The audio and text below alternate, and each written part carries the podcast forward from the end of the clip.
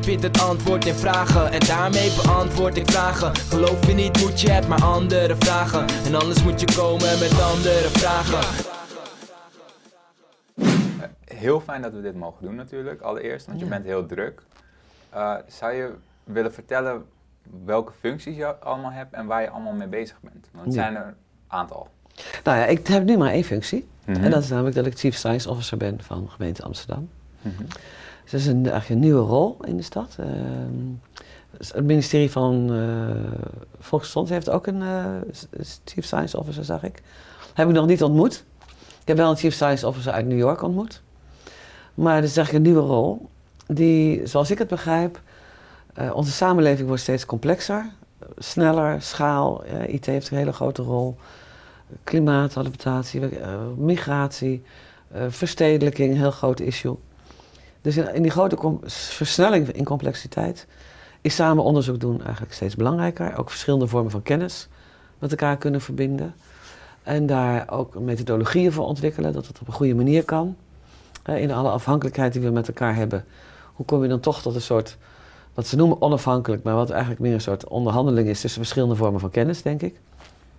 Nou, in die, in die context is er behoefte aan een, iemand die dat coördineert. Dus eh, als Chief Science Officer zie ik het als mijn taak om al het onderzoek wat in de gemeente gebeurt, eh, in ieder geval zichtbaar te maken. Allereerst voor de collega's. De gemeente is best groot, dus collega's weten van elkaar niet wat ze doen. Maar ook dat we te verbinden met het onderzoek in de hogescholen, in de universiteit, MBO. Beginnen we nu ook projecten. Eh, zodat zeg maar, de kennis van in de gemeente verbonden is met de kennis van buiten de gemeente. En ehm, als ik match. En we publiceren dat allemaal. Dus dat is eigenlijk mijn eerste rol. En er is natuurlijk ook een tweede rol waarbij het gaat over de relatie van de stad met de universiteiten hè, op bestuurlijk niveau. Dan ondersteun ik de bestuurders zeg maar, in het goede gesprek wat ze met elkaar kunnen voeren. Dat is wat je nu allemaal doet, Ja. maar hiervoor heb je nog veel meer gedaan. En ook Ja. allemaal dingen die best uit elkaar liggen. Het is niet allemaal één eh, functie Ja. geweest, ook niet één richting op. Nee. Zou je daar iets meer over willen vertellen? Nou, terwijl ik zelf heb het gevoel dat ik eigenlijk structureel één ding doe. Ehm, dus ik, ben, eh, ik heb sociale wetenschappen gestudeerd. Ik heb eerst avondstudie gedaan, mijn kandidaat, ze heette dat toen nog, bachelor. Dus dan werkte ik overdag.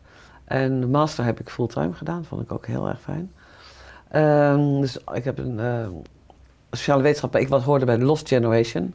Dus ik studeerde af midden jaren tachtig, dus eh, ik ben heel oud geworden al. Heel fijn. Eh, dus wij waren Lost Generation. Er was geen werk. Er was grote koude oorlog aan de gang. Dus Het ijzeren gordijn, dat kunnen jullie misschien niet meer voorstellen.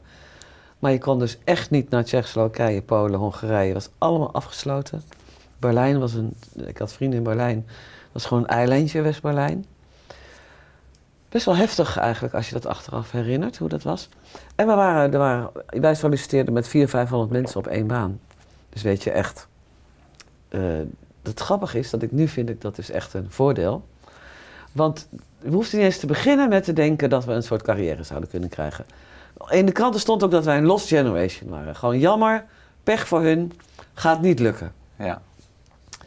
Maar het leuke daarvan is dat je dus eh, gaat doen wat je graag wil. Je denkt, nou ja, als dat er toch niet in zit, dan ga ik nu dus doen wat ik leuk vind.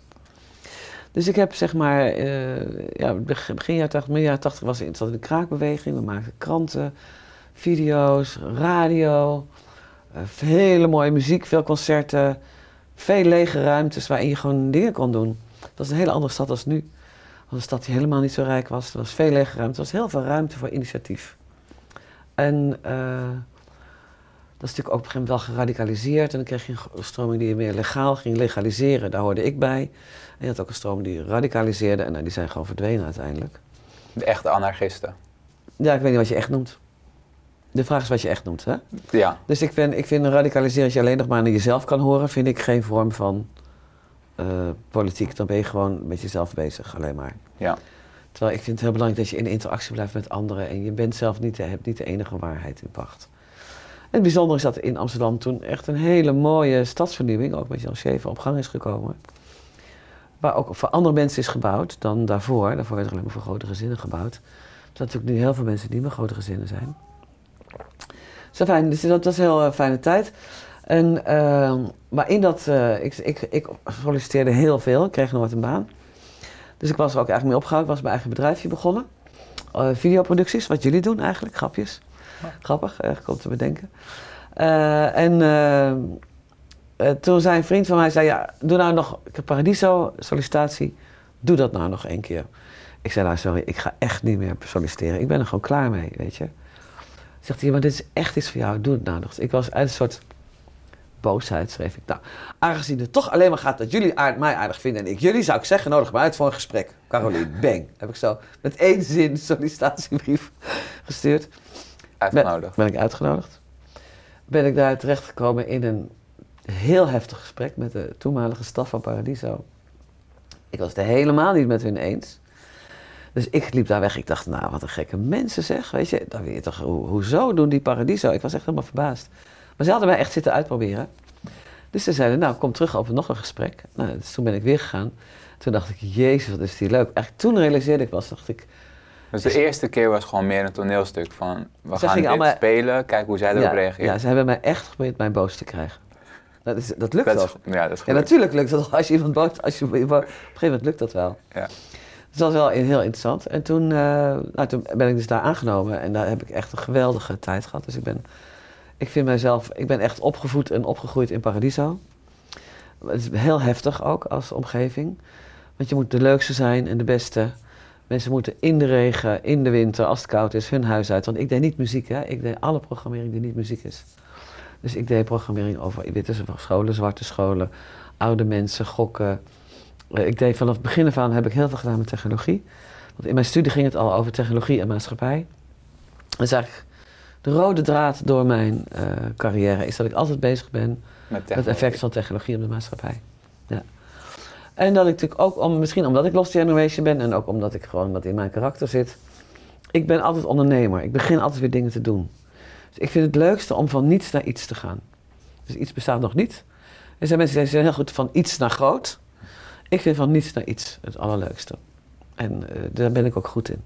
Dan pas je ook perfect in deze rol. Want ja, dit, nu, deze functie bestond nog niet. Dus ben ik weer helemaal de goede. Op het moment dat het een structuur wordt die lang bestaat, zal je zien, ga ik weer verder. Ja. Is Dat, denk je dat uh, onze generatie heeft dat niet gehad? Dat je met 800 man op één uh, functie solliciteert? Denk je dat we in dat 400. opzicht... 400. Ja.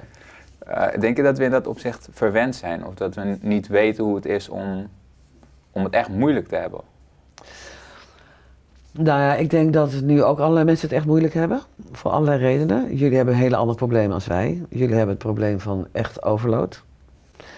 Dus jullie zijn gewend aan knoppen. Jullie zijn gewend aan... Uh, jullie volgen voortdurend software scripts die andere mensen zijn gemaakt.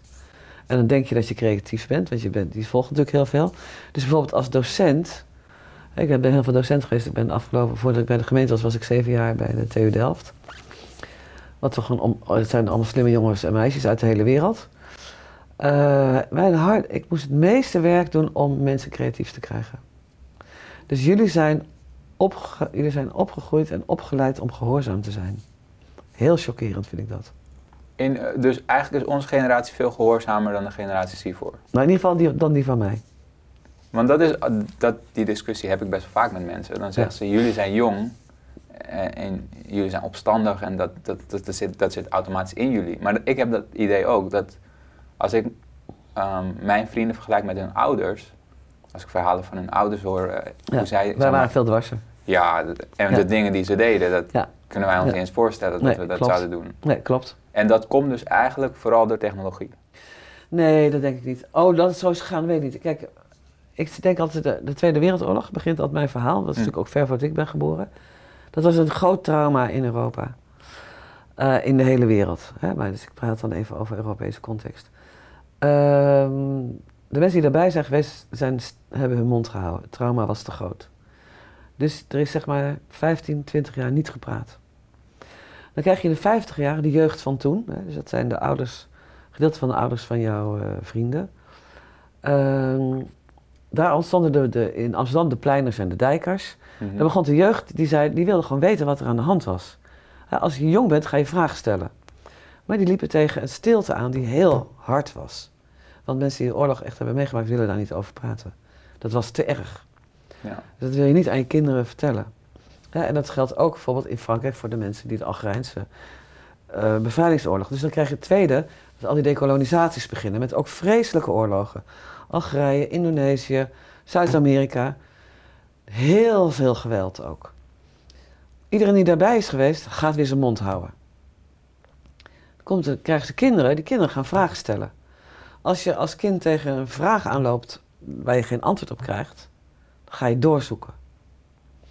Dus dat is, en, zeg maar, vind ik, zeg maar, vanuit geschiedenis begrijp ik dat er elke generaties komen. Dat, eh, mijn, mijn vader was psychiater. Die zei altijd, die werkte op Stichting 4045, het duurt drie, vier generaties voordat een oorlog is verwerkt. Echt zo lang? Heel lang. Gewoon psychologisch, hè? Ja. Dus ik begrijp ook dan, het ontstaan van verschillende subculturen heeft ook te maken met dit soort langere lijnen in de geschiedenis. Dus dan zijn we, zeg maar, krijg je de 60 jaren. Nou, dat is natuurlijk echt een wereldwijd een moment geweest dat er heel veel, zowel qua bevrijding van kolonisering, als qua doorbreken van stilte van de Eerste, wereld, Eerste en Tweede Wereldoorlog, heel veel is gebeurd. Mhm. Maar dan krijg je ook Vietnam. Dan krijg je ook dat Amerika een hele andere rol in de wereld gaat nemen. Hè? Wat dus een bevrijder was van bedrijven, van bevrijder, gaat Amerika onderdrukker worden. Hele grote verandering. Uh, bijvoorbeeld 11 september, Allende, Zuid-Amerika. Op een gegeven moment wist iedereen wat Amerika deed in Cuba en Zuid-Amerika. Wat Amerika deed in, in uh, Vietnam, ontstaat die Koude Oorlog. Wat Rusland deed in al die landen, hè? ook in Afrika. Dus dan krijg je echt een afschuwelijk spel waar wij speelbal zijn van twee grootmachten. Uh, dus er ontstaat een heel ander politiek bewustzijn. dus je krijgt empowerment van mensen die zich bevrijden van het juk van de kolonisering. Maar bij kolonisering word je het eigenlijk niet als mens gezien. Hè? Dus de overheerser ziet de andere persoon niet als mens. Minder waardig. Maar ja, apartheid gaat zover dat je gewoon niet eens, een, je wordt niet eens als mens gezien meer. Dus dat is toch een ontmenselijking, op die manier met elkaar omgaan. En daar bevrijden mensen zich van. Dus daar ontstaat heel veel uh, ook energie en kracht.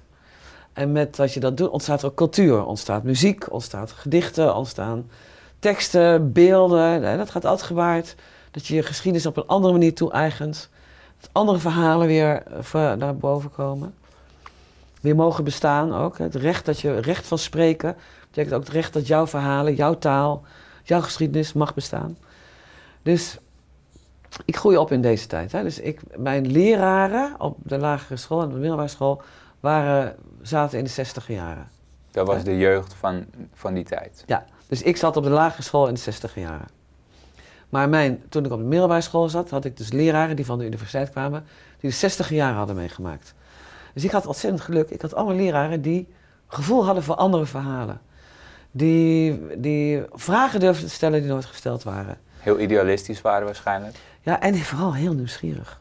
Ja. En die ook onze nieuwsgierigheid heel serieus namen. Dus die zeiden, we hadden bijvoorbeeld een heel mooi voorbeeld. Uh, we hadden ook ellende van de drugs op school. Uh, dus we, gingen veel, we hebben echt meerdere kinderen op mijn middelbare school zijn doodgegaan aan drugs. Mhm. Afschuwelijk. Maar ook uh, zelfmoord. Dus bijvoorbeeld ging een paar keer hebben, dus het was ook een heftige tijd. Een paar mensen op mijn school hebben zelfmoord gepleegd en achter elkaar. Dus dat werd echt een heel groot ding op die school. Dus zij zijn een project begonnen over zelfdoding, werd het uiteindelijk. Dus we kregen geen slachtofferhulp, wat je nu krijgt. Mhm. Nee, wij gingen gewoon met verschillende vakken. Wat is het eigenlijk? We zijn boeken gaan lezen van mensen die dat hebben meegemaakt. Romans. We zijn eh, met geschiedenis gaan kijken. We zijn op verschillende vakken. Dus in plaats van psychologisch slachtofferhulp afdekken, nee, wat is het eigenlijk? Mhm. We moeten er meer vanaf weten. We moeten het dieper begrijpen. Gespreksgroepen daarover. Het is een veel actievere houding ook dan wanneer je hulp krijgt. Want dan ben jij de passieve slachtoffer. Ja. Maar dat hoorde bij diezelfde tijd van vragen stellen, empowerment, het recht op eisen dat je mag bestaan. Hè? Ook in die Koude Oorlog, we, we, dat, dat geldt voor iedereen. Ja, en dan, eh, dan komt ze de 80 jaren met de oliecrisis. eh, Koude Oorlog wordt steeds erger. De, de Havel, die later president werd van eh Tsjechoslowakije, zat toen gewoon in de gevangenis en werd heel erg gemarteld. Dus het was best wel heftig. Je kon niet eens telefoneren naar eh, achter het ijzeren gordijn. Hè? Kan je niet voorstellen meer, maar dat is zo. Was zo. Eh, en in die tijd ontstaat hele grote werkeloosheid. Dus dan studeren wij, gaan wij studeren. Eh, ik, had, ik had wel altijd baantjes. Eh, maar heel veel mensen in de uitkering. werd ook een soort eer om in een uitkering te zitten. Maar dat vond ik dus niet. Dus daar Waarom werd al- het een eer om in de nou, uitkering in, te in Amsterdam, in de, in hele tegenbeweging, zoals dat toen Ja. heette. Dus die tegenruimtes. Je had de ruimte van de oorlog en het grote geld. Heel veel speculatie in Amsterdam. Ja. Honderden huizen stonden leeg, want daar kon je geld mee verdienen. Wat nu eigenlijk weer aan het gebeuren is. Eh, terwijl er heel veel mensen geen huis hadden. Dus aan de ene kant heb je de halve Weteringsstrand staat leeg. Ja. En aan de andere kant hebben mensen geen huis. Want dan kon je, gewoon een huis kopen, vandaag voor 100 euro, morgen verkopen voor 200 euro. En aan de andere kant was het dus een hele nieuwe armoede. Nou, dus in die tijd ontstond een hele grote tegenbeweging, die allemaal uitkeringen hadden. En dat ook gebruikte om zelf, met zelforganisatie panden te kraken, winkels te beginnen, eigen scholen, drukkerijen. Het was echt een hele rijke alternatieve wereld in Amsterdam. Met, wat, met eethuizen. Kijk, nu heet het broedplaats, eh, vrije plaats. Dus, dus nu een aantal van die vormen die toen uitgevonden zijn, horen nu bij de, het landschap van Amsterdam. Ja? Dus bedrijfsgebouwen hebben wij uitgevonden in de kraakbeweging. Je gaat gewoon met tien bedrijven in een pand zitten, je deelt een aantal dingen. Flex, flexplekken. Ja, dat, dat heette niet zo, maar dat, dat was toen in die kraakpanden, is dat allemaal uitgevonden. Er waren gewoon 10.000 kraakpanden in Amsterdam. In al die panden woonden vier, vijf mensen. Dus heel veel mensen. werd ook heel erg door de Amsterdammers omarmd in het begin. Heel erg, omdat het was ook een manier om de stad leefbaar te maken. En mensen trokken weg, huizen stonden leeg. Dat, dat werd verloedering. Dus in de 80 jaren zie je dat die kraakbeweging al die nieuwe levensvormen gaat uitvinden. Eh, je ziet tegelijkertijd Jan Sche- Schever die komt die zegt: Oké, nu moet er echt iets gebeuren met volkshuisvesting. Dus het begint echt op grote schaal nieuwbouw. En dat is dus samengegaan op een gegeven moment. Legalisering, die is nieuwsgierig geworden naar ons. Hoe willen jullie dan wonen? Wat is dat eigenlijk een woongroep? Wat betekent een gemeenschappelijke ruimte? Hoezo ga je met vijf eh, bedrijven in een gebouw zitten? Ik heb op de Van der Stadenstraat meegekraakt en hebben van die muren daar gemetseld. Nou, het is een heel leuk bed- bedrijfsverzamelgebouw, nog steeds. Weet je, er gebeuren nog steeds al verschillende dingen in één gebouw. Dus dat heeft te maken met nieuwsgierigheid. Dus het grote antwoord op eh, wat is belangrijk voor jonge mensen nu? Nieuwsgierigheid. Echt. Dat als karakterschap ontwikkelen. En met elkaar, elkaar op aanspreken. Dat is, en de moed hebben om het te zijn. Te Ja. durven weten wat je kan weten. Maar ik denk dat dat wel een uitdaging is voor ons, omdat we. Ja, vroeger had je de nieuwsgierigheid, als je iets niet wist, dan moest je het opzoeken. En Ja. Dat was een weg ernaartoe. Jullie denken dat opzoeken het antwoord is. Maar ook het doel. Je denkt vaak Ja. dat is het doel, om iets te weten. Maar het is meer de weg ernaartoe wat het doel is. Om dat op te zoeken. Ja, het is ontzettend leuk dat je dit zegt. Dus jullie zijn van de generatie dat Wikipedia bestaat. En dat je Ja, Google kan googlen en zo. Ja? Jullie kunnen opzoeken. Ik heb een vraag, ik ga het opzoeken. Ja. Dan is het dus ook, ben je heel snel bevredigd, want je ziet iets. En dat is het. Punt. Klaar, ik weet het. Precies. Maar je dat denkt- dempt je nieuwsgierigheid. Nou, nieuwsgierigheid is heel wat anders. Nieuwsgierigheid heeft helemaal niks met opzoeken te maken. Nieuwsgierigheid betekent dat ik een vraag heb en dat ik benieuwd ben naar de volgende vraag. Dus, Ik dacht dat nieuwsgierigheid was, je hebt een vraag en je bent benieuwd naar het antwoord. ja, dus nou, laten we het even heel simpel houden, een taart bakken. Hè? Ja. Dus je kan zeggen, oké, ehm, ik wil graag taart, taart... Wat is taart bakken? Mhm. Nou, ik ga naar Wikipedia. Taart bakken betekent dat je me- meel en water en wat boter bij elkaar gooit. Misschien nog wat andere dingen erbij.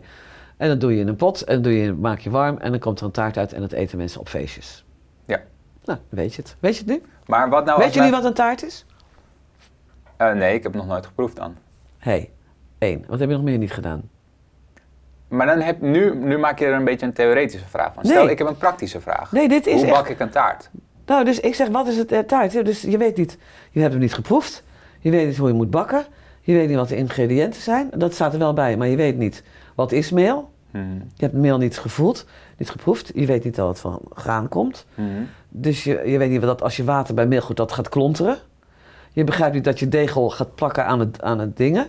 Dus je weet een heleboel dingen niet. Want dan moet je het ervaren. Ja. Ja? Dus nieuwsgierigheid gaat over dat je, dat je verschillende vormen van kennis bij elkaar brengt. Niet alleen weten, maar het ook ervaren en proeven, dus zintuigelijk. Maar ook bijvoorbeeld de kennis die je nodig hebt om een taart te kunnen bakken. Hè, ik heb al het probleem dat die deegroller vol zit. Dus de vaardigheden eigenlijk. ja, het, ik zou, het is vaardigheden, maar er is embodied knowledge. Er is het kennis in het lichaam. Dus Iemand die honderd keer een taart heeft gebakken, bakt hem anders als jij die het voor het eerst doet. Precies, ja. Of ik die het eens in de tien jaar doe, omdat ik haat dat meel op mijn deegroller. Snap je? ja, ja. Nieuwsgierigheid en dan, als je dus echt nieuwsgierig bent naar de taart, dan ga je nog veel verder. Het recept is één laag van kennis. Er zijn heel veel lagen. Als je naar die taartenwinkel gaat op de Ferdinand Bolstraat, hoe heet die ook weer? Er is een weer, ik ben er laatst binnen, er is een taartenwinkel op de Ferdinand Bol. Die mensen leven van de taarten bakken. Die maken heel veel soorten taarten. Eh, en als je gaat zeggen, wat is de taart in verschillende culturen? Of wat is de taart voor de molenaar? Of de taart voor de koningin? Enfin, er is een, wat is kwekkenboom? Je hebt ook reputatie in taarten. Ik, ik, kan hem heel, ik kan gewoon afstuderen in taarten als je wil. Klopt. Het woord taart betekent ook nog homo eh, of eh, transgender. What a taart, weet je wel? Dus het kan ook nog weer, of kan Oké. taart kan ook nog betekenen, wat een taart zeg. Kan je zeggen over een oude vrouw die je niet leuk vindt. Ja. Dus je kan op, er zijn zoveel betekenissen van het woord taart. Maar dat is dus de nieuwsgierigheid die. Dat is eigenlijk. Zulke nieuwsgierigheid krijg je alleen als je het uit kan bouwen. Ja. Dus als je niet heel snel tegen de antwoorden aanloopt. En als je dus ook niet, dus ik vind mijn kritiek op het onderwijs van nu, Hm. op, niet op al het onderwijs, er zijn ook goede uitzonderingen natuurlijk. En er wordt heel hard gewerkt. Dat allemaal gezegd, vind ik dat het onderwijs veel te veel een koekjesfabriek is. Eh, het is grappig, we blijven in dezelfde terminologie. Eh, dus het is een mechanische koekjesfabriek. Hè? We gooien er 10 kilo studenten in, we doen er 5 eh, liter docentenwater bij en dan komen de koekjes uitrollen. Zo is het gewoon niet. Dus het onderwijs, het onderwijs wat ik heb gehad en wat ik ook altijd weer zoek en wat ik zelf ook geef, is dat je dus een vraag krijgt en dat je die vraag gaat exploreren. Hè, dus als ik het vergelijk met het onderzoek wat wij hebben gedaan naar jonge mensen die dood willen, toen ik zelf 14, 15, 16 was, dat ging echt over wat, wat voor redenen kunnen erachter zitten, wat voor gevoelens hebben mensen meegemaakt. Hoe is dat in de Franse literatuur, in de Engelse literatuur, in de Nederlandse literatuur? Wat voor geschiedenis is daarmee? Wat is de maatschappelijke context? Wat gebeurt er in de religies daarmee? Is dat ook, wordt dat dan ook niet in onze samenleving gedempt door politieke correctheid? Want dat zijn allemaal vragen. Als jij als opleiding of als school zoiets aan zou willen bieden, dan krijg je al heel snel het antwoord: ja, maar dan moet je niet kinderen van 14 dat soort vragen laten stellen. Want Nee. stel, je wakkert iets aan. Nee, we zijn dus bang met z'n allen de hele tijd. Hm.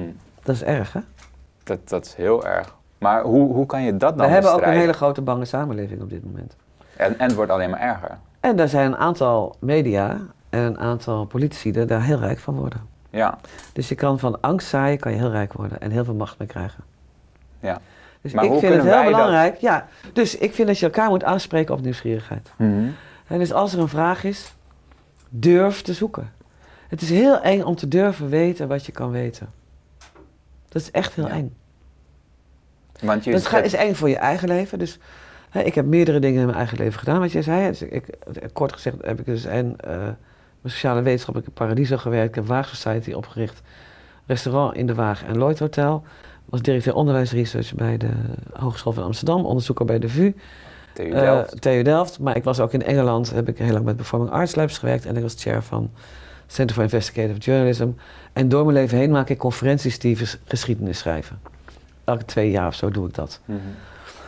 Dus ik heb ook een soort skills bij mijn oude Paradiso vak. Ik kan gebeurtenissen maken waar mensen het nog steeds 30 jaar later over hebben. Inspirerende samenkomsten. Inspireren, ja. En dat gaat allemaal over durven weten wat je kan weten. Nieuwsgierigheid. Ja, dus bijvoorbeeld. ehm, eh, ja, ik weet even niet. Voor. Ik, kan, ik kan te veel voorbeelden heb ik in mijn hoofd. Ja. Sorry. Maar waar ik sowieso nog even op terug wilde komen, dat ik dat niet vergeet. Je zei dat het vijf generaties kan duren voordat een oorlog eigenlijk 3 à 4. 3 à 4. Ja. Want ik kom, ehm, ik ben geboren in eh, Afghanistan. Ja? Dat is vanaf de jaren 80 is dat eigenlijk alleen maar oorlog ja, geweest. vreselijk gebied. Ehm, iedereen van mijn leeftijd die daar geboren is, dat is eigenlijk een oorlogsgeneratie. Die, hebben Ja. niks, die kennen niks anders dan oorlog. Jullie zijn tweede generatie. Of jij hebt zelf erin gezeten. Ja, ik heb Tot hoe oud heb jij erin gezeten? eh, tot een jaartje of eh, zes, zeven, acht, zoiets. ja, dan heb je het meegemaakt. Ja, maar ik heb het niet, ik, voor mijn gevoel heb ik het niet zo direct meegemaakt dat ik kan zeggen ik ben echt een eh, overlever van de oorlog of zo. Ja. Voor mij is het best wel een ver van mijn bedshow, want mijn ouders hebben me daar heel erg goed in beschermd. Ja, fijn is dat. Maar mijn ouders daarentegen, ik merk wel in hun dingetjes, in hun maniertjes of de manier hoe zij de wereld bekijken, dat ze daar Mhm. heel erg in zaten. Mhm. Dat dat hun heel erg heeft geraakt. Ja. En dat heeft effect op jouw, invo- op jouw Precies. opvoeding. En ook op hoe ik dan de weer, weer de wereld zie. En Ja. hoe ik me daar tegen verzet, tegen eh, hun manier van de wereld bekijken. Dus jij begrijpt heel goed dat verhaal van die Tweede Wereldoorlog. Ja, jij, daar zit jij zelf in. hoe dat kan heet, ik dat, tweede generatie heet dat. tweede generatie? Ja. Dus dat betekent dat je zeg maar, de overgevo- Dus bijvoorbeeld, eh, ik had vroeger een vriendje, als daar de bel ging, die vader had eh, in de oorlog afschuwelijke dingen meegemaakt. Als daar de bel ging, dan flipte die vader, dus niemand mocht aanbellen. Ja. Heel klein dingetje. Ja. Maar als kind mogen je vriendjes dus niet aanbellen, want je vader kan er niet tegen. En je kan als kind snap je dat, want dat is heel conceptueel denken. Je, kan, je snapt dan niet van, maar waarom dan de bel? Ja, waarom dan de bel? Ja. En wat kan ik dan, want stel ik krijg ook ooit kinderen, wat kan ik dan doen om hun te beschermen in eh, de nasleep Ja, van, van de door nieuwsgierig te zijn naar jezelf. Mhm. Dus doordat jij nieuwsgierig bent naar wat het voor jou betekent dat je ouders dit hebben meegemaakt en jij daar vandaan komt. Dus het is ook een thuisland voor jou. Hè, Nederland is een thuisland, maar daar, zit ook een, daar heb je ook een band mee. Mhm. Eh, jouw, kind, jouw gevoel als kind naar je ouders, want je bent loyaal, je leeft ook met hun mee. Je wil hun, zij hebben jou beschermd, jij wil hun beschermen. In die interactie met alles wat zij hebben meegemaakt, die pijn die hun is gedaan, die voel jij ook. En een gedeelte gaat wel over jou, en een gedeelte gaat niet over jou. Een gedeelte moet je ook bij hun laten. Mhm. Dus wat jij kan doen, is daar met nieuwsgierigheid naar kijken. Kan je alleen doen, met vrienden doen, met andere mensen doen. Kan je ook in begeleid worden, op allerlei manieren. Maar altijd open blijven naar de vragen. Ja, en, en dat durven te weten. Dus heel veel mensen die in jouw positie zitten, zeggen: heb ik niks mee te maken, hebben mijn ouders gehad. Nou, dus stel bijvoorbeeld dat, je dat er heel veel geweld is geweest. En dat je uit de ervaring van geweld ontstaat heel vaak geweld naar kinderen. Dat is heel klassiek. Je maakt zelf veel geweld mee, ontstaat, doe je ook datzelfde geweld naar je kinderen. Als jij dat niet bewust maakt, doe jij datzelfde geweld ook weer naar jouw kinderen. Ja, precies. Of als het kan ook zijn dat het paranoia wordt of wantrouwen. Dat krijg jij, ga je het ook weer aan je kinderen geven. Of het wordt overgevoeligheid. En eh, we kunnen niks hebben wat eh, de, de harmonie verstoort. We moeten harmonie houden. We zullen harmonie hebben. Snap je? Ja, dat het gedwongen harmonie wordt. Ja, want we willen niet iets wat er niet, hè? Dan ga je dat ook weer doorgeven. Dus er zijn allerlei manieren waarop wij als mensen met, eh, met trauma omgaan. Hè, en het kan ook zijn eh, dat je gewoon in je familie heel, iemand heel ziek is geworden en dat je dat hebt meegemaakt. Dat is ook trauma. Dus dat heeft heel veel effect op wie jij bent en hoe jij dan, wat je denkt dat normaal is, hoe je omgaat met boosheid, met verdriet, met gekwetstheid, met hulp bieden, met bescherming bieden, met troosten. Het zijn allemaal hele belangrijke emoties in hoe wij samenleven. En die worden beïnvloed door wat we meemaken. Mhm. Dus daar open over zijn is heel belangrijk. Is en dat het- is soms heel ingewikkeld in professionele omgevingen. Absoluut. Ja. Is het dan ook misschien, eh, zouden we dat in het onderwijs dan ook niet moeten betrekken? Tuurlijk. alle dingen die je net noemt, van hoe ga je om met boosheid, hoe ga je om eh, als iemand je verraadt, dat zijn allemaal dingen die we ons hele leven lang Meemaken. hebben- ja, meemaken. Ja. Maar we krijgen daar niet de vaardigheden voor aangeleerd. Nee, nee vind ik ook echt heel jammer. Dat, en dat, is ook, dat, wordt dan, heet dan burgerschap. Dat, het is veel groter dan dat. Dus dat heeft te maken. is het. Ja, het gaat over mens zijn. En dat is belangrijk als je het hebt over geografie, of over wiskunde, of over Engelse literatuur, of over eh, hoe je taarten moet bakken. Het is ook op alle niveaus in de maatschappij belangrijk, of je een arm bent of rijk bent. Vaak zijn arme mensen veel beter erin dan rijke mensen. In die sociale vaardigheden Ja. of in die... In dat vriendelijk zijn tegen elkaar en dat open blijven. En het Ja. herkennen van elkaar. Als je ri- rijk en macht, worden mensen banger. Is er minder ruimte, omdat je wat te verliezen hebt. Ja, Dus het gaat over mensenkennis en over vriendelijkheid. Als je vriendelijk bent, kan je zeggen, hoe is het voor jou? Ja. En als je denkt, eh, wie ben je eigenlijk? Nou, dan ga ik helemaal niet vriendelijk zijn naar jou en denken, ben je gevaarlijk voor mij of niet? precies. Ga je mij geld kosten? Kan je mij verraden? Kan je mijn positie in gevaar brengen? Dat is heel Ja. anders. Want ik vind dat vooral, het was best knap dat je dat dan ook gelijk noemde, dat wantrouwen. Mijn ouders hebben dat heel erg. Omdat als je iets heel ergs meemaakt, dan eh, ga je, kan je niet meer naïef zijn. Want dat is, na, Daar, hebben dus daar zijn dus verschillende antwoorden op mogelijk. Dat is interessant. Dat is omdat jij kind, dat is, ik ben het kind van mijn ouders. Van, ja. Hm. Dus ik denk dat zoals mijn ouders hebben geantwoord op hun dingen, dat dat is hoe het moet. Ja. Ja? Ja. als je dus dieper gaat kijken en met, bijvoorbeeld met andere mensen gaat praten die ook meemaken wat jij Mhm. hebt meegemaakt.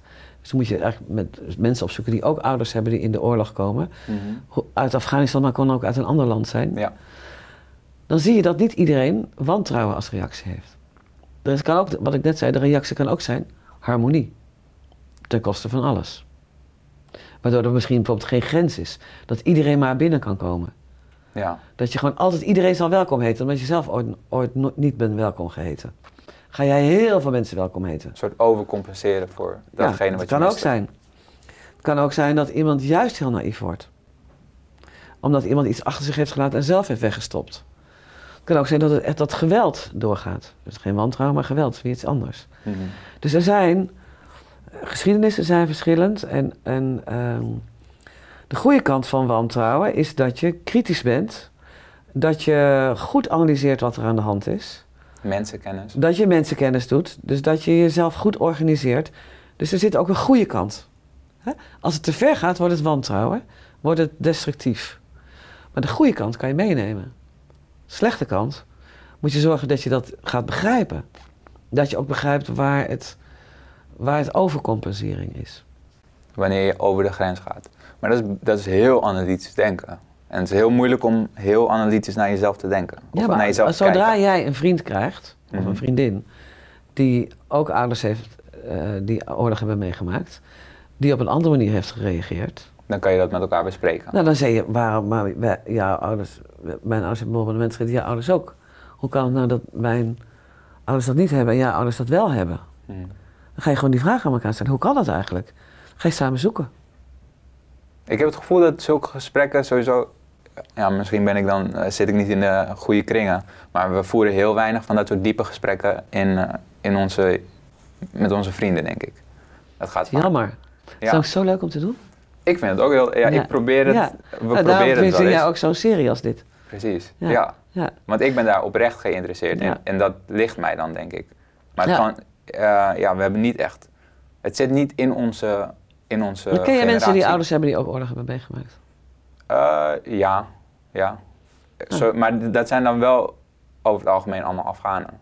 Ja. En dat zijn dan vrienden. Maar wel van jouw leeftijd. Eh, ja, ja, Nou, ga een keer gesprek dat- voeren. ja. En ik heb gesprekken met hen gevoerd en dan merk ik dat het veel hardere mensen zijn. En ze staan wat harder in de wereld. Ze, staan wat, eh, ze zijn vaak veel ambitieuzer. Vooral met eh, succes behalen. Ze willen een mooie auto, ze willen een eh, dikke villa. Ze willen voor mensen kunnen Ja, zorgen. man, huis. Ja. Ja, en ik heb dat totaal niet.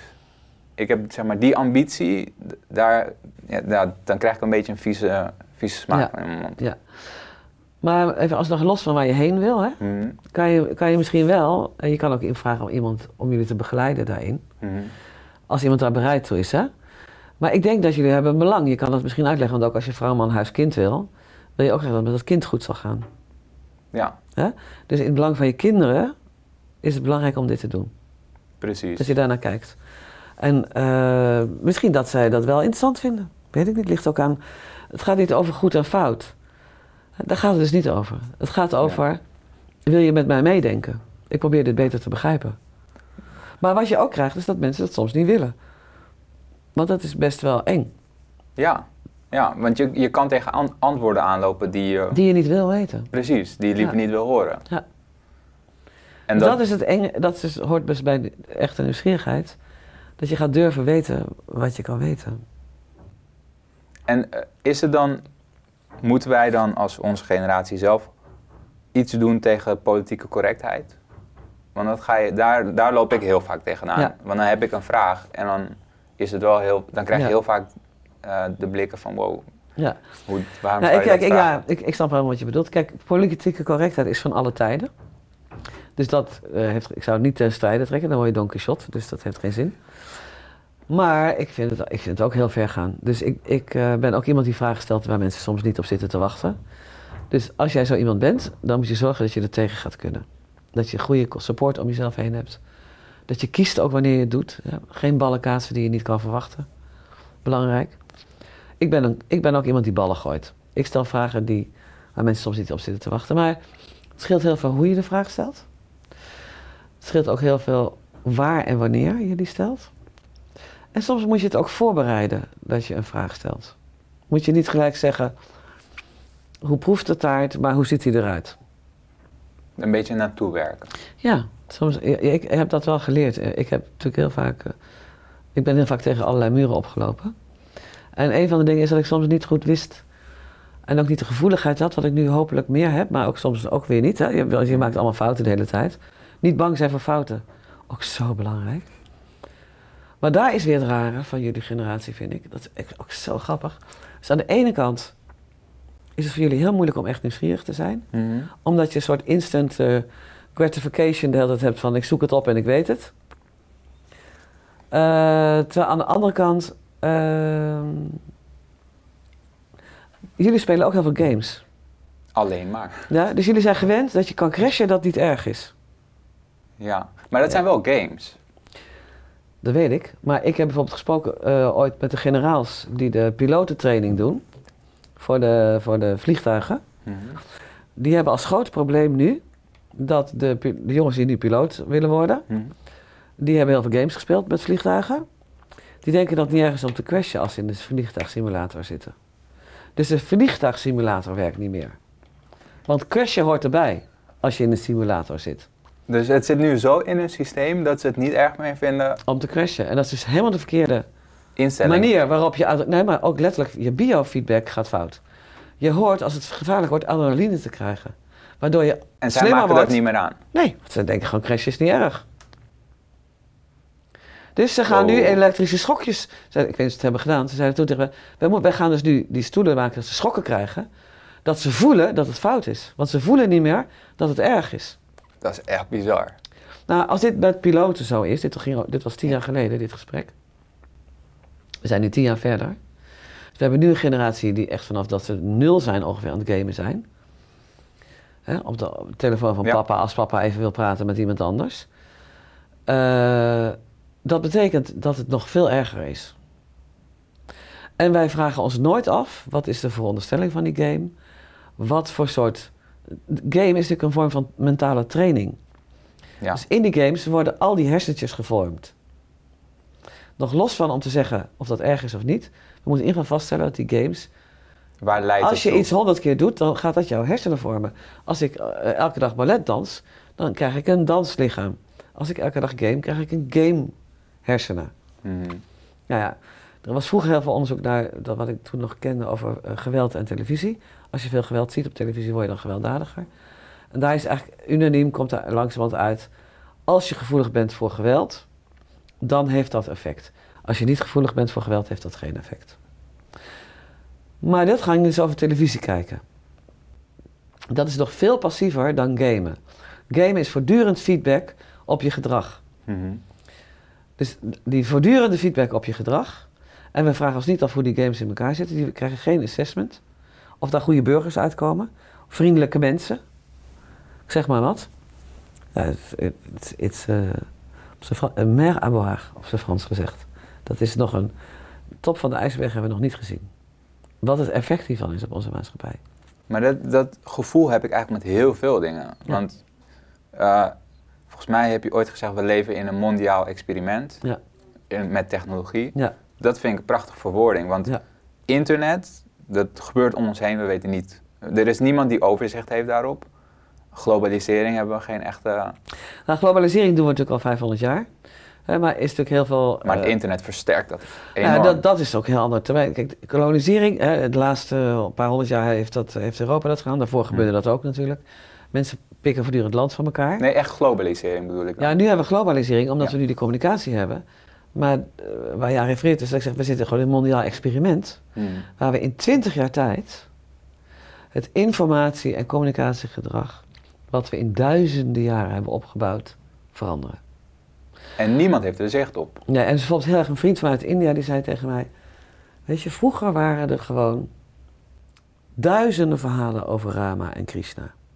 Ieder gebied, ieder dorp bijna had zijn eigen Krishna en zijn eigen Rama-verhaal.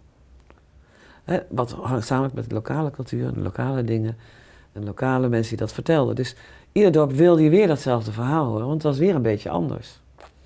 Dus de verhalen over Rama en Krishna waren spannend. Die bleven spannend, die waren namelijk overal anders. Nu is er internet en nu is er ook Disney.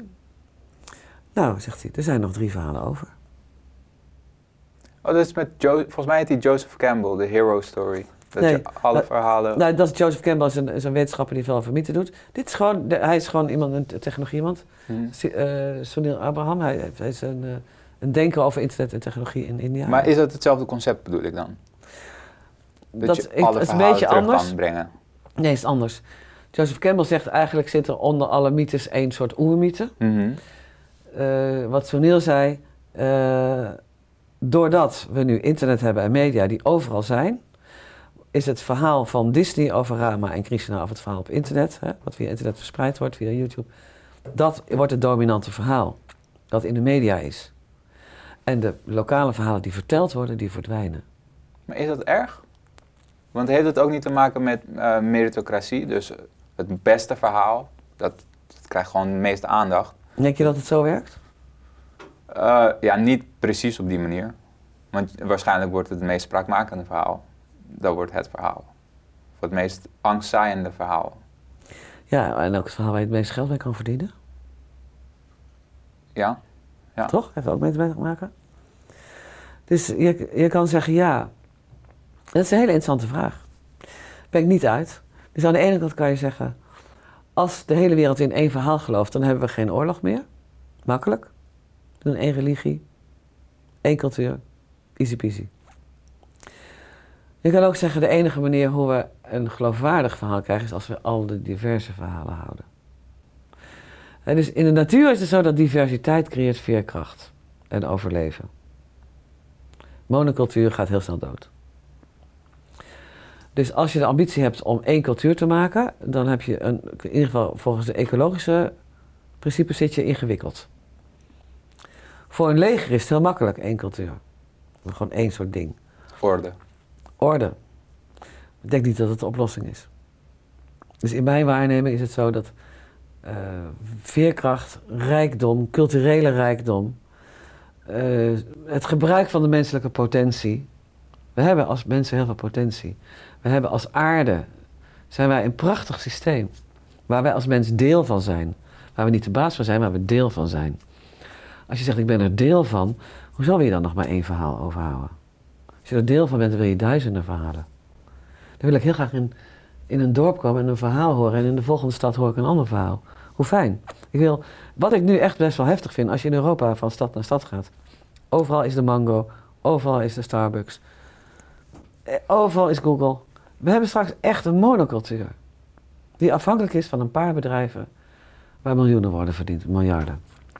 En dan beginnen ze daarna een foundation om het caritatief uit te delen. Waarvan die paar mensen ook weer de baas zijn. En dat is anders dan wat het vroeger was geweest. Nou, ik denk niet. Nou, wat ik wel denk, maar ik, ik zijn, het is echt allemaal, dit is allemaal echt, eh, Speculatie. ja, echt speculatie, ja. maar wat ik wel, ehm, Want ik denk dat er altijd al, je had gewoon een bepaalde orde. Als je rijk was, dan bleef je rijk of je werd steeds rijker. En als je arm was, dan bleef je arm. En dan vaak werd je nog veel armer. En ik denk dat misschien dat het in de jaren 50 dat je echt een middenklasse had. Dus dat iets ertussenin. En dat we nu steeds verder uit elkaar dreigen te raken. ja. Maar Nee, ik ben typisch zo'n bekijkt- middenklasse iemand, dus ik vind dat, dus voor welvaart, voor zeg, sociaaldemocratie, dus relatieve welvaart, hè? Mhm, dus niet armer dan en niet rijker dan, Precies. dat wil ik graag, want dan heb je minder kans op oorlog.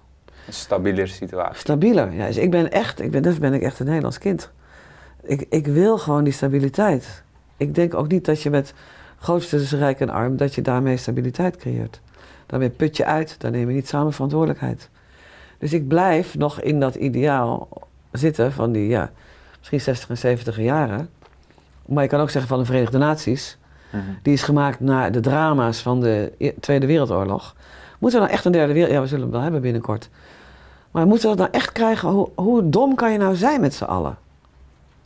Ik snap Waar het gewoon denk- niet. Oh, je snapt ook niet waarom zulke uitspraken dan worden gedaan. Want dan gaat het waarschijnlijk over Trump, dat hij eh, tegen Noord-Korea aanzet. eh. Hij, is- hij doet alles om weer oorlog te maken. Terwijl ik snap wel...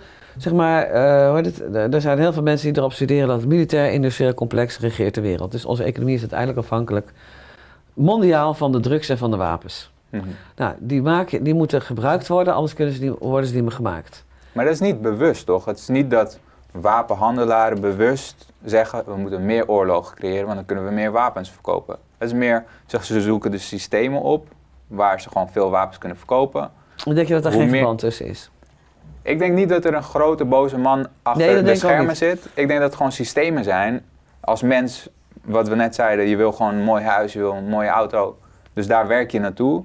En als je dan niet rekening houdt met wel, welke, eh, de stappen die je zet, welke gevolgen dat kan hebben, dan krijg je dus zo'n situatie. Dat als jij als wapenhandelaar alleen maar wapens verkoopt, dan creëer je waarschijnlijk oorlog. Want dan is het makkelijker om mensen neer- eh, dood te schieten. Ja. Dus je geeft eigenlijk de wapens in handen. ja.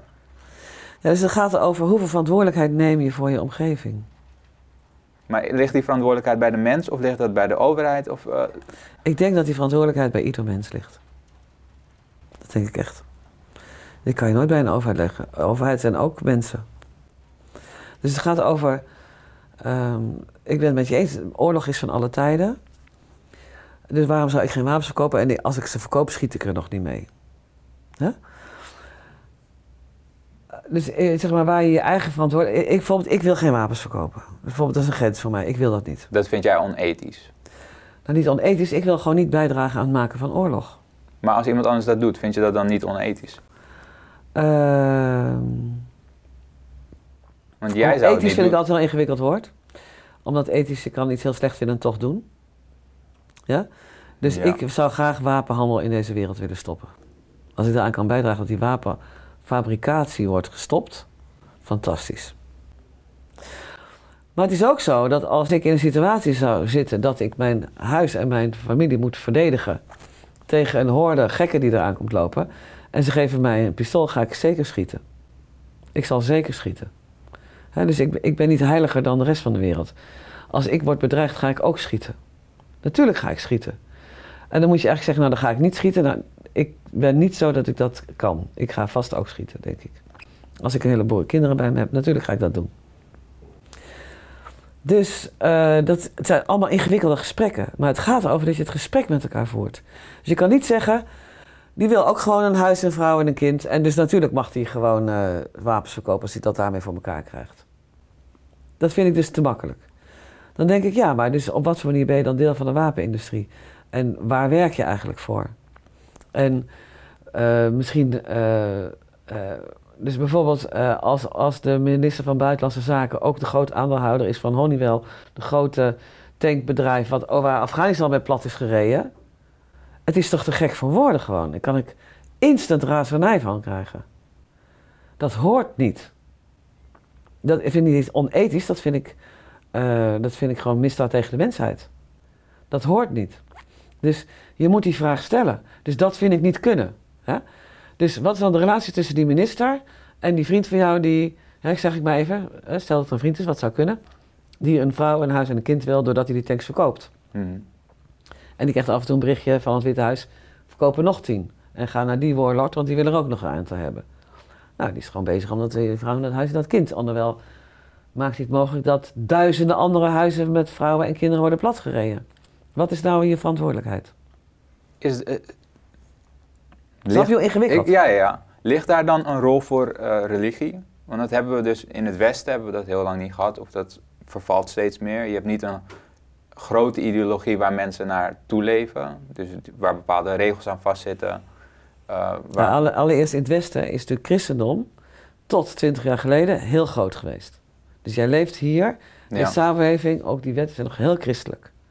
Wat weer heel dicht bij islam zit en heel dicht bij joods geloof. Allemaal heel dicht bij elkaar. Ja.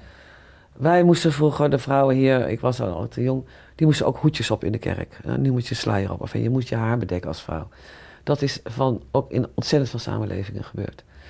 Dus ehm, in die zin ben ik dus weer echt sociaaldemocratie. Scheiding tussen kerk en staat. Daarom ben ik ook van wetenschap. Eh, ik vind het belangrijk dat je een grond creëert tussen de religies in. Tussen de, dus ik vind geloof iets wat iemand inspireert om het goede te doen. Maar het is geen kennissysteem. Nee, is- precies. Maar misschien... Iedere religie is natuurlijk een kennissysteem in zichzelf. Als het gaat over geloof en de inspiratie en hoe je dat creëert en hoe je leefregels met elkaar maakt. Dat snap ik. Maar eh, tussen geloven in, of, en ook met de mensen die niet geloven, sa- een samenleving creëren waar dat naast elkaar kan bestaan. En in relatie tot elkaar de straat kan vormgeven, vind ik heel belangrijk. Maar dan hebben we nog steeds niet een antwoord op de vraag. Want oké, als jij voor eh, persoonlijk gewin eh, leeft, Ja. dan ehm, kan je gewoon doen wat je wil eigenlijk. Maar als jij ge- gelooft in iets groters dan jezelf, en misschien hoeft dat geen religie te zijn, maar gewoon, Inspiratie ergens uit. ja, dat hebben we niet echt. Ik denk het wel. Ik denk op heel veel manieren. Eh, waar moet ik dan aan denken? Nou, denk aan muziek. Denk aan mooie kleding. Denk, eh, bij wijze van spreken, een mooie auto kan je ook inspireren tot schoonheid dienen. Maar dat zijn wel allemaal hele kleine, want er zijn waarschijnlijk 2 miljoen mensen die heel erg voor de muziek, eh, dat dat ze heel, erg inspireert. Of eh, deze artiest of deze Nou, ik filmster. denk, ik denk, we hebben de spiegelneuronen. Hè? Dus als ik iets goed zie, dan ga ik me goed voelen. Mhm. Hè? Dus daarom kunnen wij voetbalwedstrijden volgen op televisie en denken we dat, ook onze, dat wij dat ook winnen. Hè? Ja, precies. Die spiegelneuronen. Dus, dus als je iets goed ziet, dus we hebben de capaciteit als mens, gewoon alleen al in onze neurologie, om als we iets goed zien, daardoor geïnspireerd te worden. En dat na te bootsen. En dan gaan we nabootsen. Zo, dat is de eerste vorm van Mhm. leren. We gaan naapen. Ja. Ehm, dus die capaciteit hebben wij. Maar we zien niet zo heel veel mooie dingen meer. Ik denk, als je goed kijkt, zie je heel veel mooie dingen. Als jij op school komt, gewoon een kind op school, krijgt een lerares, heeft een fijn gebouw, het is warm, er is materiaal waar je mee kan doen. Dat is al heel veel schoonheid die je daar gewoon, gewoon op- als kind op een school krijgt. Maar als we het puur over perceptie hebben, dan is het wat je heel veel ziet, is juist negativiteit. Het, gaat Dat niet goed met de media wereld. houden van negativiteit. Maar we leven in een mediawereld. Ja, dus dat is, een heel, dat is een heel groot ding. Ik heb, daarom heb ik ook massacommunicatie ooit gestudeerd. Ik vind dat een van de grootste problemen van onze tijd. Wat kunnen we daar tegenover zetten? Want dat bedoelde ik met religie. Vroeger had je, leefden we in een religieuze wereld, dat is waar mensen naar keken. Van oké, deze keuzes kan ik op deze twee manieren maken. Maar religie zegt dat dit de beste keuze is, omdat het voor het grote geheel beter is. Dus dan maar doe ik religie als zeg maar systeem wat je kan gehoorzamen, dat. Is gevaarlijk. is nog wat anders als religie als inspiratie. Absoluut. Daar dus, ben ik het mee eens. dus dat is echt belangrijk, want religie wordt nu af en toe voorgesteld als een soort eh, mens-volgsysteem. Religie zegt wat goed is. Absoluut, ja, Het is gewoon niet waar. klopt. Religies zijn heel belangrijk omdat ze grote vragen stellen. En in, in het stellen van de vragen aandacht geven aan ingewikkelde zaken als onze sterfelijkheid, eh, de generaties, hoe verbinden we ons daarmee, het goede, het kwade als systemen, Mhm. hoe kan je daartoe verhouden. Eh, het zijn hele, hoe ga je om als er trauma's, hoe kom je daar overheen? Wat is loyaliteit als het moeilijk wordt? Hele grote vragen zitten in religies. Daar helpen ze bij. Dus ik denk dat religies zijn eh, systemen voor verbinding. En, en in de verbinding samen nieuwsgierig zijn naar het leven zelf. Daar gaan religie over. Wat voor systeem kunnen we dan verder introduceren om die grote vragen te stellen? Want dat, dat hebben we niet. Nou, ik niet... denk dus dat het niet één groot systeem is. Hè? Mhm. Ik denk het, dat het. ehm, dus die vraag wordt gesteld in de kerk, in de moskee, in de synagoge, in de tempel. Hè, er zijn allerlei, hè, allerlei plekken waar de, de vraag wordt gesteld en inspiratie is. Dus in die communities praten mensen met elkaar. Wat is goed, wat is niet goed. Rondom scholen. Hè, eh, de lagere school, de middelbare school, vooral lagere scholen. Wordt heel veel gepraat. Wat is goed voor een kind, wat is niet goed voor een kind. Rondom de politiek. Wat is goed om te doen, wat is niet goed om te doen. Op het werk, wat is goed om te doen, wat is niet goed om te doen. Dus ik denk dat we ontzettend veel plekken zijn we met elkaar in gesprek over wat is goed om te doen. Maar we zijn niet echt in gesprek over wat is een goed mens. Nee. En Ik waar ik wel- naar op zoek ben, Ja. is een, iets wat we met z'n allen kunnen doen, dus een heel land of de hele wereld, zodat we weer terugkomen naar de vraag, wat, wat kun je doen als je een goed mens bent? Of hoe moet je je gedragen als je een goed mens wil zijn? En we zijn inderdaad veel te veel naar, ehm, hoe worden we een productief mens? Hoe worden we een slimmer mens? Ja. Maar de, de ethische kant van het verhaal, Ja. dat raakt steeds meer achterwege. En dat is ook heel erg in de wetenschap. Want in de wetenschap wordt er niet of nauwelijks aandacht besteed aan... is dit goed voor de mensheid? Oké, Even nog over de religies. Hè? Ja. Dus bijvoorbeeld dat we nu een paus hebben, Franciscus, die heel erg praat over het goede van de mensen en de armoede. Een Dalai Lama die er is. Ehm, ook in de islam zijn hele mooie denkers daarover.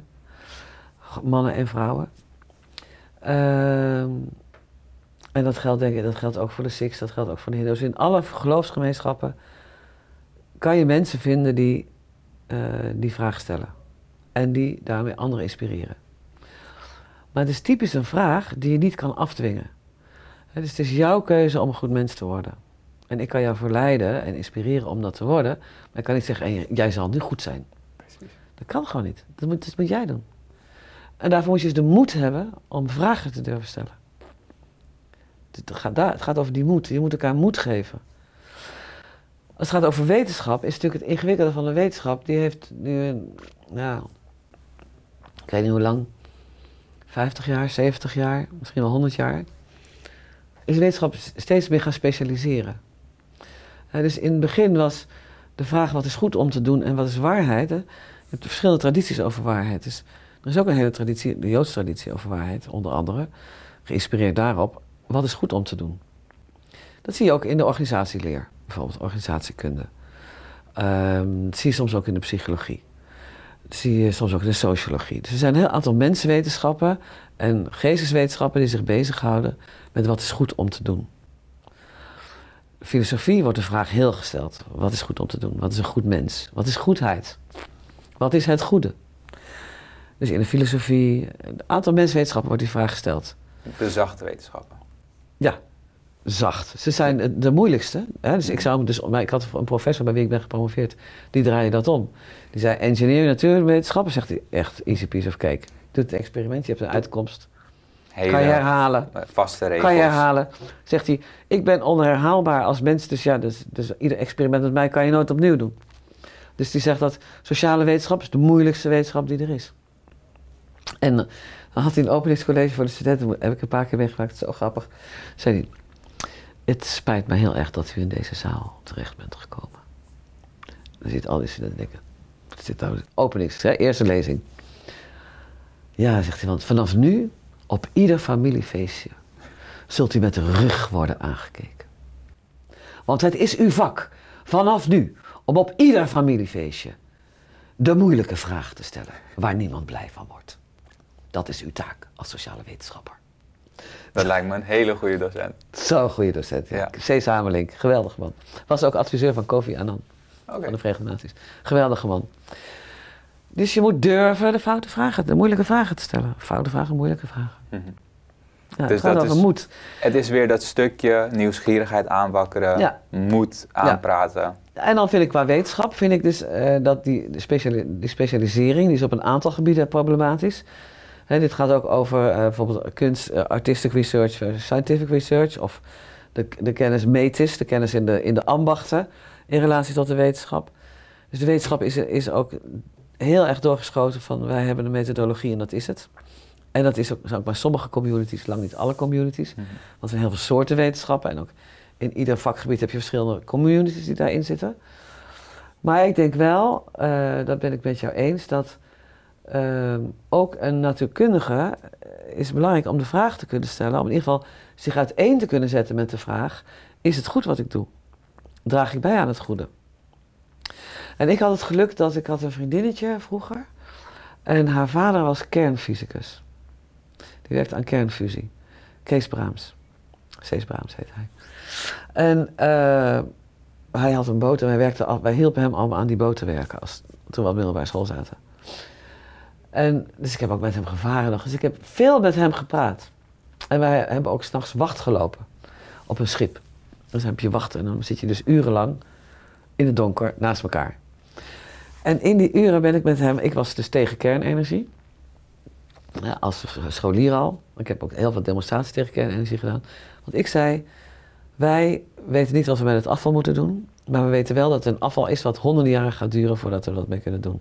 Dus ik vind het onverantwoord om dat nu te produceren. En ik heb geen vertrouwen in de politiek dat ze goed met het afval zullen omgaan. Je had gelijk. Dat was mijn positie. Hij zat daarin. Dus ik zei, hoe, kan je, hoe kunt u daar, ome Kees, hoe kunt u nu daar deel van zijn? En we- na uren praten kwamen we er dus achter dat hij zei: Ik vertrouw, dus ik ben niet alleen kernfysicus, maar ik besteed ook een derde van mijn tijd aan alle commissies om te gaan zorgen dat het afval goed gaat. En ik besteed tijd aan het parlement en aan politieke mensen, dat dat goed gaat. Mhm. En ik, geloof, ik zei, maar ja, ik denk niet dat die commissies betrouwbaar zijn. Want ik denk, daar komen dan weer andere mensen in en iemand die niet goed is, die gaat eruit. Dus uiteindelijk kwamen, was ons verschil dat hij het politieke systeem geloofde op dit niveau. En ik het politieke systeem op dit niveau niet geloofde. Heel mooi. En uiteindelijk, Maar hij nam het wel aan. Hè? Ja. Dus hij deed de tijd. Dus eh, wie dan gelijk heeft, weet je niet. Hè? Dus eh, zijn, niet, zijn wel vertrouwen, net zoals waar is mijn niet vertrouwen. Eh, en uiteindelijk is het gesprek natuurlijk heel belangrijk geworden. Want voor hem was het ook belangrijk om in zo'n commissie te zeggen... er komt een hele generatie aan die geloven niet dat wij dit goed doen. Wat doen wij niet goed dat zij dat niet geloven? En voor mij is het belangrijk om te zeggen... ja, ik ben wel tegen kernenergie... maar ik zie ook dat wij een energieprobleem hebben. En dat meer mensen in de mijnen is ook niet de oplossing. Dus we hebben wel een energieprobleem... wat mijn oom Kees mij op een manier heeft uitgelegd... wat niemand mij zo kon uitleggen. Dus ik begreep wel dat de noodzaak om windenergie, zonne-energie... nog veel groter was dan dat ik daarvoor dacht. dus uiteindelijk was het niet belangrijk wie er in dat gesprek gelijk had, maar dat het gesprek plaatsvond. En dat ik dus zijn, door zijn andere positie werd, werd, kon ik beter mijn dingen doen en hij de zijne. En wilden we alleen maar meer met elkaar praten in plaats van minder. Want we zijn het niet met elkaar eens. Dat is wel een heel ander soort gesprek dan wat, wat Nu- ik normaal gesprek- gesproken in de media zie dan. Dat is heel jammer. Ja, Je hebt natuurlijk wel in de praatprogramma's proberen mensen dit, hè? Dus eh, Ja. Jeroen Pauw, Alberto Tan, Jelinek, nee Jelinek, Jinek. Jinek, sorry. Ja. Eh, er zijn natuurlijk heel veel praatprogramma's het proberen. Zijn ook veel inspiratieprogramma's die dit proberen. Maar ik denk dat het heel belangrijk is dat, eh, eh, dat het uitwisselen van standpunten is. Het gaat niet over het uitwisselen van standpunten, het gaat over dialoog. Een dialoog is ook weer meer een religieus begrip. Dus in de religies heb je altijd dialogen. Eh, dan ga je namelijk, ben je namelijk samen aan het... Wij zijn nu samen aan het denken. Dus ik heb het gevoel dat ik nu met jou in één ruimte ben. Heb jij dat gevoel ook? Dus dus ons gesprek maakt één ruimte. Precies. Terwijl als wij standpunten doen, zeg ik, nou, hier ben ik. Ja, En dan zeg jij, ja, daar ben ik. Dan zeggen we, oh, dat is anders. Of, nou, ik ben het echt niet met jou eens. Terwijl nu kan ik zeggen, maar hoezo denk je dat eigenlijk? Wat, wat, wat denk je? maar daarvoor, dan moet je zelf als gesprekspartner moet je er heel erg van uitgaan dat die ander het goed bedoelt. Je Ja. moet je openstellen, Ja. je moet is vertrouwen mooi, hebben. Oh, is leuk. Ik heb heel groot onderzoek gedaan naar hoe wij getuigen zijn van elkaar. Dus ik ben gepromoveerd op het ontwerp van vertrouwen, tien jaar geleden, dus op latere leeftijd. Eh, toen ben ik dat model gaan uitwerken. En eh, dus vertrouwen is een beslissing, het is het resultaat van een onderhandeling. Hè, dus de- letterlijk fysiek, hè, je kan nooit genoeg weten voordat je zegt ja of nee. Eh, maar ook, eh, dus of nou, iemand komt dus door een steegje aanlopen, ik ben op, als vrouw. Wanneer ga ik nou teruglopen of rennen en wanneer durf ik gewoon langs die man te lopen? Ja, precies. Dus hoeveel moet ik van die man weten wanneer ik beslis wat ik doe? Dus ik moet een beslissing nemen. Ga ik het vertrouwen of niet? Nou, dat doen we eigenlijk met alle dingen, bewust of onbewust. Dus ik ben dat gaan uitzoeken. En eh, in dat onderzoek kwam ik eigenlijk achter dat in het onderhandeling van vertrouwen, maar ook een onderhandeling van waarheid, gaat het over hoe wij getuigen zijn van elkaar. Want als getuige, als wij, ik ben nu getuige van jou, dus als er nu iets met jou gebeurt, kan ik ingrijpen. Ehm, ik kan ook handelen, ik kan ook de, deze situatie veranderen, doordat ik ineens jou bijvoorbeeld aanraak, wat niet normaal zou zijn. Je kan het beïnvloeden. Ja, ik kan gewoon handelen in deze situatie. En ik kan ook getuigenissen daarna afleggen. Dus ik kan bijvoorbeeld zeggen, dan, ik loop naar buiten en ik zeg, nou, die, eh, dat interview was echt gewoon heel slecht. Die jongen heeft echt geen idee waar hij het over heeft. Die Saher, die clipjesfabriek, echt. Nou ja. Dat, als ik dat daar vertel, wordt dat ook een waarheid. En verandert dat wat hier gebeurd is. Verandert ook jouw gevoel over wat hier gebeurd is. Dus als getuige, en in het dus getuige zijn en het getuigenis geven, dus being and bearing witness, maken we eigenlijk waarheid. Dat, dat ligt ook onderliggend aan, het ontstaan van een sociale structuur. Dus wij hebben hier nu ook aan een structuur met z'n vieren. Achter de camera twee mensen en wij die praten. Uh, dat is hoe wij getuigen zijn van elkaar. En in, dat, ik ben vervolgens gaan, heel erg een heel onderzoek, een paar jaar gedaan. Hoe zijn wij nou getuigen? Wat is belangrijk in hoe wij getuigen zijn van elkaar? Heel leuk. Dus dat, en daar is een heel mooi werk van Oliver Kelly. Kelly Oliver, sorry, ik zeg het verkeerd om. Uh, ook naar aanleiding van de Tweede Wereldoorlog en de Shoah is er heel veel uh, onderzoek gedaan naar hoe mensen getuigen zijn geweest van misdaad. Dus het is een juridisch traject, maar er zit ook een heel menselijk traject. Hè? Dus wat je, dan komen we terug bij ouders en kind. Jij bent getuige van de getuigenis van je ouders. Precies. En dat doet dat met jou. Dus hoe, je, hoe wij getuigen zijn en hoe wij daarin waarheid en vertrouwen onderhandelen is heel belangrijk. En Kelly Oliver maakt al een heel mooi, uh, uh, legt heel mooi uit hoe het echte getuigen zijn ontstaat. En daarvoor zeggen ze eigenlijk drie dingen heel belangrijk.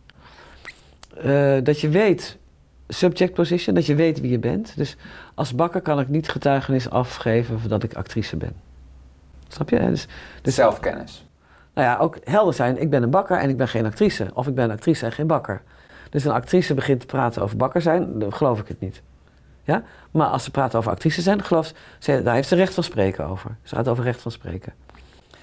Tweede gaat over dat je in een situatie met elkaar bent dat uh, response, responsibility en addressability. Dus ik als getuigenisgever moet ik kunnen adresseren aan iemand. En jij moet bereid zijn om daarop te antwoorden.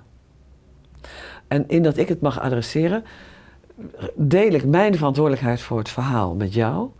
En deel jij jouw verantwoordelijkheid voor het antwoord met mij. Dus wij worden, verantwoord, ik, wij worden voor elkaars bijdrage mee verantwoordelijk. Dus je hebt niet één antwoorder, maar je hebt twee personen.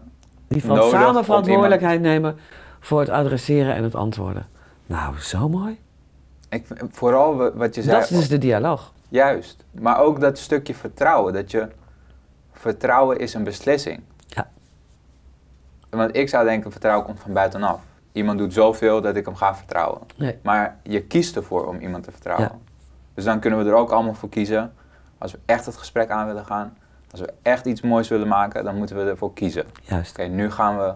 Ik kies ervoor om positief in het leven te staan. Vertrouwen te hebben in mensen. Dus als ik een gesprek aanga met iemand die ver van me afstaat, kies ik ervoor om diegene te vertrouwen. Ja. En je kiest dus ook om de moed te hebben. Dus iedereen is bang. Hmm. Dus angst is geen reden om iets niet te doen. Iets anders is belangrijker dan je angst. Het is belangrijker om moed te hebben om de dialoog aan te gaan, dan in je eentje bang te zijn. Ik sluit hem af op een hele mooie noot. Prachtig vind het antwoord in vragen En daarmee beantwoord ik vragen Geloof je niet moet je het maar andere vragen En anders moet je komen met andere vragen